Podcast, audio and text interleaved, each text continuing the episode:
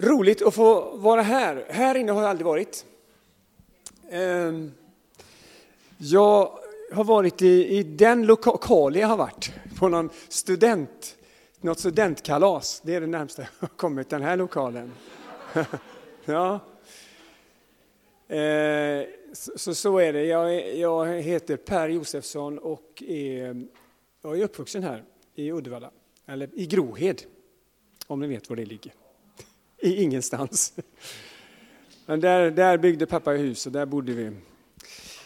Eh, så, så är det. Eh, men jag lämnade Uddevalla när jag var 16-17 år och började eh, plugga på skridskogymnasiet i Strömsund. Jag körde skridskor för UIS. Är det någon som vet vad UIS är? Det är en förening här i stan. Då flyttade jag 100 mil härifrån Uddevalla upp till Strömsund och gick på skridskogymnasiet där. Och sen, sen kom jag aldrig hem igen till Uddevalla, förrän nu. Det, det, ja, nu är jag 60, ska jag fylla i år. Så, så det, det, är kul när man eh, får komma till andra kyrkor och så, här, så tittar man ut så här och är det någon man känner igen och, från gymnasietiden eller från skoltiden? Och ibland är det ju det. Ja, det är så. Ha, jag fick eh, möjligheten att predika här Eh, vi byter ju, präster och pastorer byter ju predik, eller kyrkor med varandra här den här veckan. Och, eh, som Kristoffer sa, överskriften för våra kyrkor, de som följer kyrkoordningen, eh, är en stark, eller Jesus skapar tro. Och Jesus sa, en så stark tro, sa Jesus till den här officeren. Eh, och jag känner, det där griper ju tag i mig i alla fall. En så stark tro. Tänk, tänk om jag hade det. Ja? En så stark tro. Men vad är det? Är det en tro som alltid bär igenom svårigheter? När livet är tufft mot mig. Och, och då står jag där stadigt ändå, vacklar inte och Eh, jag kan liksom ändå vara ett vittnesbörd om, om Jesus. Är det så det är? Och låt oss se vad evangeliet säger på den frågan. Hur visar sig en stark levande tro? Ehm, och jag tycker när man läste den här texten, eh, evangeliet, så blir det så tydligt att en stark tro, eller en tro kan finnas där man minst anar det. Eh, när vi läser berättelserna i evangeliet om Jesus så står det ofta att människor de häpnar över Jesus. Man tackar Gud och det, ryktet det sprider sig om Jesus. Och i vår text idag så finns också det häpnandet med, men det är inte, det är inte människorna som häpnar utan det är faktiskt Jesus som häpnar. Han häpnar över den här mannens starka tro och säger sannerligen inte hos någon i Israel har jag funnit en så stark tro. Och den här mannen, officeren, han var ju inte en, en någon som kom ifrån Jesus kultur och, och tradition. Det var ju inte, han var ju en, en eh, en, en soldat, en, en, en romersk soldat, tillhörde ockupationsmakten. Därför kan man ju undra, skulle det då vara så att den här romerska officeren skulle stå närmre Gud och Jesus än alla andra i landet? Ja, säger Jesus, inte hos någon i Israel har jag funnit en så stark tro. Och det finns ett liknande exempel längre fram i evangeliet när Jesus är uppe vid norra gränsen av landet och så möter han en kananeisk kvinna. Hon förföljer honom med sina böner. Hon, hon ber och ber och, och ber att han ska hjälpa. Hon släpper liksom inte. Och till slut så förklarar hon, säger hon så här till Jesus. Hundarna äter ju smulorna som faller från deras herrars bord. Känner ni igen det? Och hon får också betyget, din tro är stark. Och så tänker jag, det här kan vi jämföra med vad Jesus i slutet på vårt kapitel säger till sina lärjungar när de är ute på sjön och det går med vågor och storm. Då säger Jesus, ni trosvaga, säger han till lärjungarna. Så det första vi får lära oss idag av evangeliet, det allra första, det är att stark tro kan finnas där man minst väntat det. Därför ska vi inte brösta oss över vår egen tro eller döma ut andras. Det är det som Jesus talar allvar med oss om idag i, i de sista, sista raderna i evangeliet. Han sa, många ska komma från öster och väster och ligga till bords med Abraham och Isak och Jakob i himmelriket. Men rikets barn ska kastas ut i mörkret. Vi ska inte förhäva oss, brösta oss och döma ut andra. Mm, så det räcker alltså inte med att vara döpt, att vara kyrkotillhörig, att vara en god kristen medmänniska. Nej, det handlar om tro. Det hörde vi också om eh, när Paulus eh, lästes idag. Den rättfärdige ska leva genom tron. Den rättfärdige ska leva genom tron. Inte tron i sig, utan den tro som sätter sitt hopp och sin lit till Jesus. Till Jesus. Han är trons styrka och ger styrka. Eh, för som temat för den här söndagen säger Jesus skapar tro. Han kan både väcka och stärka vår tro. Och den starka tron ja, den visar sig, som vi såg, till exempel i bönen. Och den texten den läste vi inte, den gammaltestamentliga texten läste vi inte heller, men där, där berättas det att, att redan kung Salomo, han talar om detta. Han, han, där står det så här i den gammaltestamentliga texten idag. Om en främling kommer och åkallar dig, lyssna då i himlen och gör det som han ber om. Och det var ju så det började för den här officeren i evangeliet. Han kom till Jesus och så bad han om hjälp. Herre, min tjänare ligger förlamad där hemma och har svåra plågor. Han kom med sin nöd inför Jesus. Precis som, jag vet inte om ni var i kyrkan förra söndagen, där fick man berättelsen om bröllopet i Kana. Då kommer Maria med sin nöd till Jesus och säger vinet är slut, det är katastrof. Vi har inget att dricka. Det, det, det, var en katastrof för en fest på den tiden. Hon kom, Maria kom med sin nöd till Jesus. Ehm, så jag tänker, det här med en, en stark tro, det har också att göra med bönen. Att bönen, när man liksom lägger all sin nöd i Guds händer och sen låter den ligga där och lita på att Gud nu tar hand om svårigheterna och problemet och ger hjälp på det sätt som Gud kan och vill. Och det är ju här så ofta som, som vår tro sviktar, som min tro sviktar. Va? Jag lägger ifrån mig bekymren och nöden i Guds händer. Men så lämnar jag dem inte där, jag tar med dem hem igen. Och så låter man sig fyllas av det igen så jag har samma oro och vånda som innan jag bad.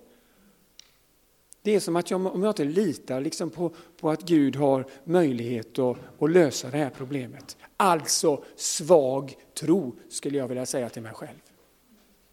Därför så behöver vi be som Jesus första lärjungar att då han liksom skulle föröka, föröka vår tro. Hur då? Jo, och nu ska jag prata om Guds ord. För jag tror att det här är viktigt som rör vår tro. Det är att komma inför Guds ord, för Herrens ord. För att Herrens ord kan väcka, kan stärka vår tro. Eh, för som Paulus skriver ordagrant, han skriver så här, tron kommer av det hörda och det hörda av Kristi ord. Alltså tron kommer av det hörda och det hörda av Kristi ord. Då kan man undra, den här officeren då, hade han verkligen hört talas om Jesus? Ja, det kan mycket väl vara så.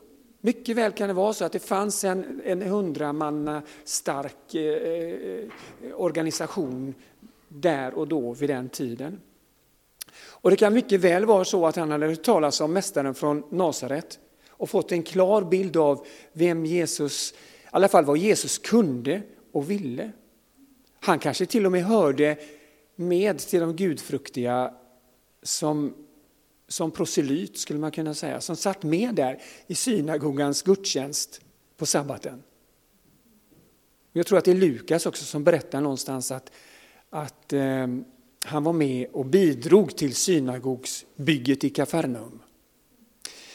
Eh, och kanske var det så att han till och med hade hört Jesus ord till den spetälske strax innan utanför staden.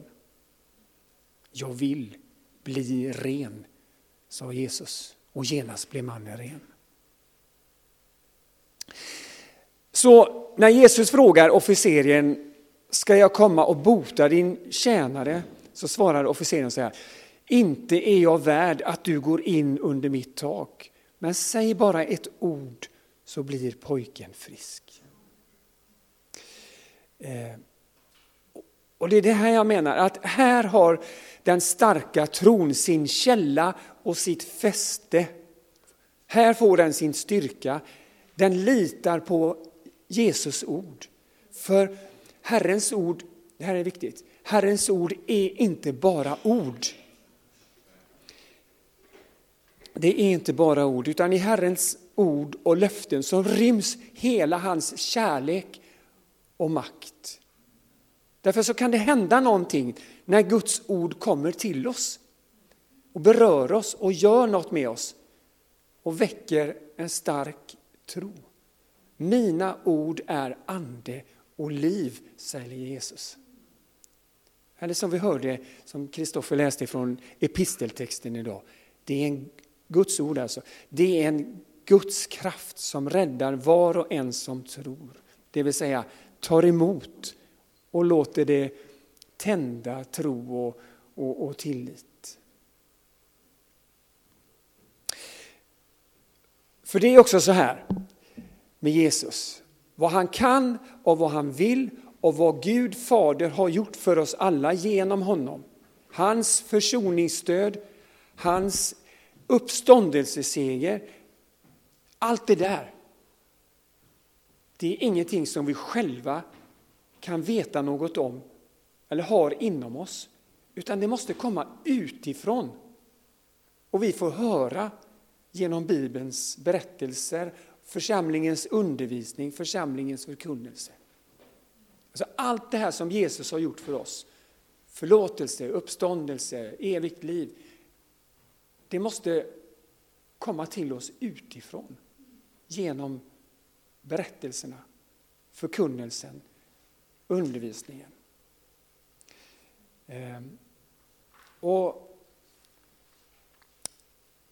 det är det här som vår tids individualistiska präglade människor inte fattar och därför inte kan förstå att de behöver komma till kyrkan och läsa Bibeln och möta det här ordet som är mer, mer än bara ord. Man försöker tro utifrån det man känner inom sig och upplever i sitt liv.